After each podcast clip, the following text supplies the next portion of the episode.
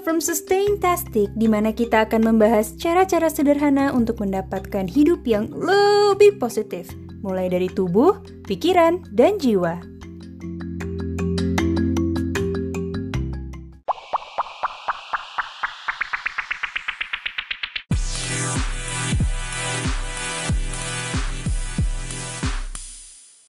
Di dunia ini ada lebih dari 7,5 miliar penduduk dengan beragam keunikan yang gak dimiliki setiap individu oleh individu lainnya. Latar belakangnya berbeda, lingkungannya berbeda, dan pastinya pola pikir dan sudut pandangnya juga berbeda. Ini yang menyebabkan hidup kita tidak absen dari perdebatan. Saat bertemunya dua pola pikir dan sudut pandang yang berbeda dan mencari manakah yang lebih baik atau lebih benar. Tempat debat yang paling umum saat ini adalah internet, terutama sosial media. Kita bisa lihat ya perdebatan di Twitter atau di Instagram, mulai dari komen sampai berlanjut ke DM dan bisa berakhir dengan cyberbullying. Islam mengajarkan untuk meninggalkan perdebatan meskipun kita memiliki kebenaran. Mudah kalau kita meninggalkan perdebatan karena kita tahu kita salah. Tapi meninggalkan perdebatan saat kita tahu kebenarannya itu susah. Lagi pula, kenapa Rasulullah Shallallahu Alaihi Wasallam menyuruh kita untuk menghindari perdebatan? Malah disebut meskipun kita tahu kebenarannya, hindari perdebatan. Aku Nindi, host dari Sustaintastic, dan ini adalah episode khusus Ramadan yang ketiga. Yuk, kita obrolin tentang perdebatan dalam Islam.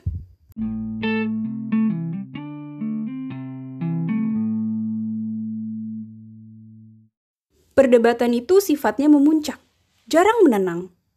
Apalagi kalau orang yang terlibat bersikeras dan melakukan penyampaiannya dengan cara yang kurang tepat. Mungkin teman-teman familiar dengan situasi debat yang ada di sekitar kita, terutama yang paling mudah kita pelajari, yang paling eksis itu debat politik. Islam berasal dari kata salam, yang artinya ketenangan, peace. Aku merasa bersyukur di tengah badai yang pernah kualamin, aku dibimbing untuk mencari ketenangan di Islam. Oleh karena itu, aku pun mempelajari cara agar tetap tenang dalam perdebatan. Loh, Nin, katanya tadi dilarang berdebat meskipun benar.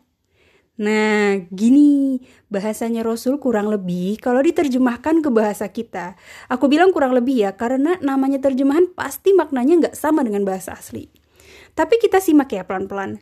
Tiga bahasa, Arab, Inggris, Indonesia biar bisa masing-masing interpretasiin apa makna dari perkataan Rasulullah Shallallahu Alaihi Wasallam tentang perdebatan.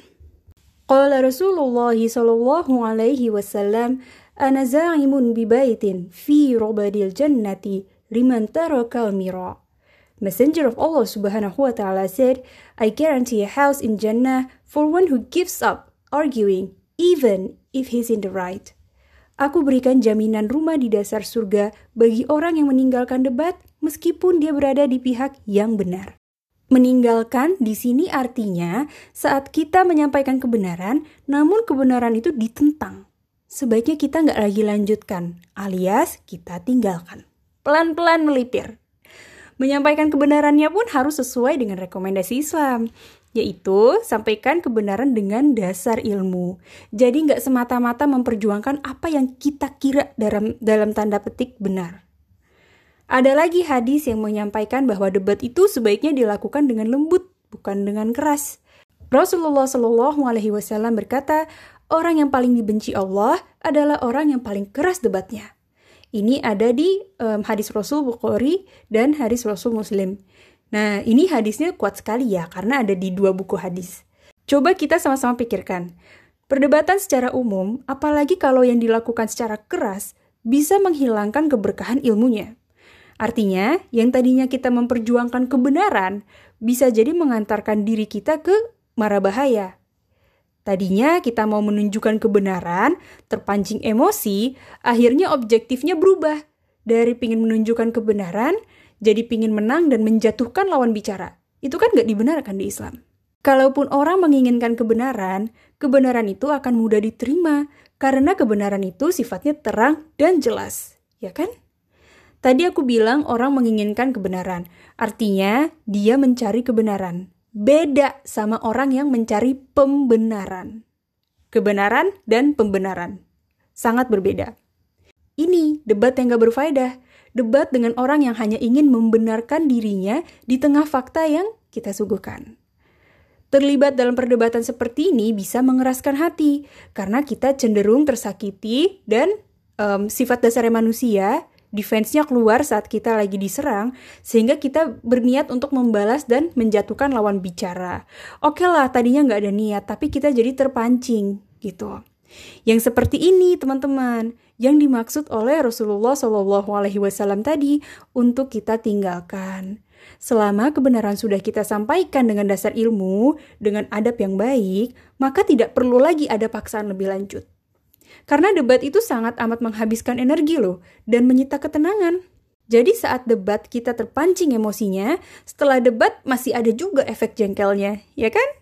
Karena debat itu membutuhkan energi yang luar biasa, kita harus pintar memilih perdebatan. Jangan berdebat akan hal yang sebetulnya gak gitu penting. Kayak debat antar fansnya Justin Bieber gitu ya uh Justin Bieber tuh masih cinta sama Selena Gomez. Yang satu bilang, enggak Justin udah bahagia sama Hailey. Itu kan sebetulnya nggak ada hubungannya ya sama kita. Karena itu urusan pribadi orang lain. Jadi, pilih perdebatanmu. Apakah itu untuk meluruskan sesuatu atau menerangkan kebenaran yang bermanfaat bagi banyak orang, termasuk diri kita sendiri, atau hanya sesuatu kontroversi yang sebetulnya gak ada juga dampak ke perbaikan diri kita? Ingat teman-teman, kalau ketemu dengan momen begini, tujuan utamanya adalah memberi nasihat untuk menghendaki kebaikan. Seperti ayat Al-Quran surah Al-Ghoshiyah, yang terjemahannya dalam bahasa Indonesia, Bismillahirrahmanirrahim, maka berilah peringatan, karena sesungguhnya engkau hanyalah pemberi peringatan. Engkau bukanlah orang yang berkuasa atas mereka. Kita hanya ditugaskan untuk memberi peringatan dan nasihat. Yang berkuasa atas pemahaman mereka adalah Allah Subhanahu wa taala. Seperti yang disebutkan di surah Al-Qasas. Yang terjemahannya dalam bahasa Indonesia, Bismillahirrahmanirrahim, sesungguhnya kamu tidak akan dapat memberi petunjuk kepada orang yang kamu kasihi, tetapi Allah memberi petunjuk kepada orang yang dikehendakinya, dan Allah lebih mengetahui orang-orang yang mau menerima petunjuk. Kita semua tahu ya, seberapa usahanya kita, kita nggak bisa merubah orang lain. Perubahan itu dikontrol oleh orang itu sendiri. Bisa berkaca dengan kisah Nabi Ibrahim alaihissalam yang menyeru ayahnya untuk berhenti menyembah berhala. Ya kan? Juga ada ceritanya Rasulullah Shallallahu Alaihi Wasallam saat menyeru pamannya Abi Thalib untuk masuk ke agama Islam. Keduanya gagal. Padahal yang usaha ini itu Nabi loh. Jadi, jangan kita habiskan energi kita dalam kesedihan, dalam kekecewaan akibat tidak adanya perubahan dari orang lain. Karena memang kebenaran itu datangnya dari Allah kepada orang yang mencari kebenaran, bukan pembenaran. Dan Allah yang lebih tahu siapa yang mencari kebenaran. Nah, aku mau share juga nih pengalaman pribadi. Kita kan sering ya, sebagai anak dihadapi dengan perbedaan pendapat dengan orang tua.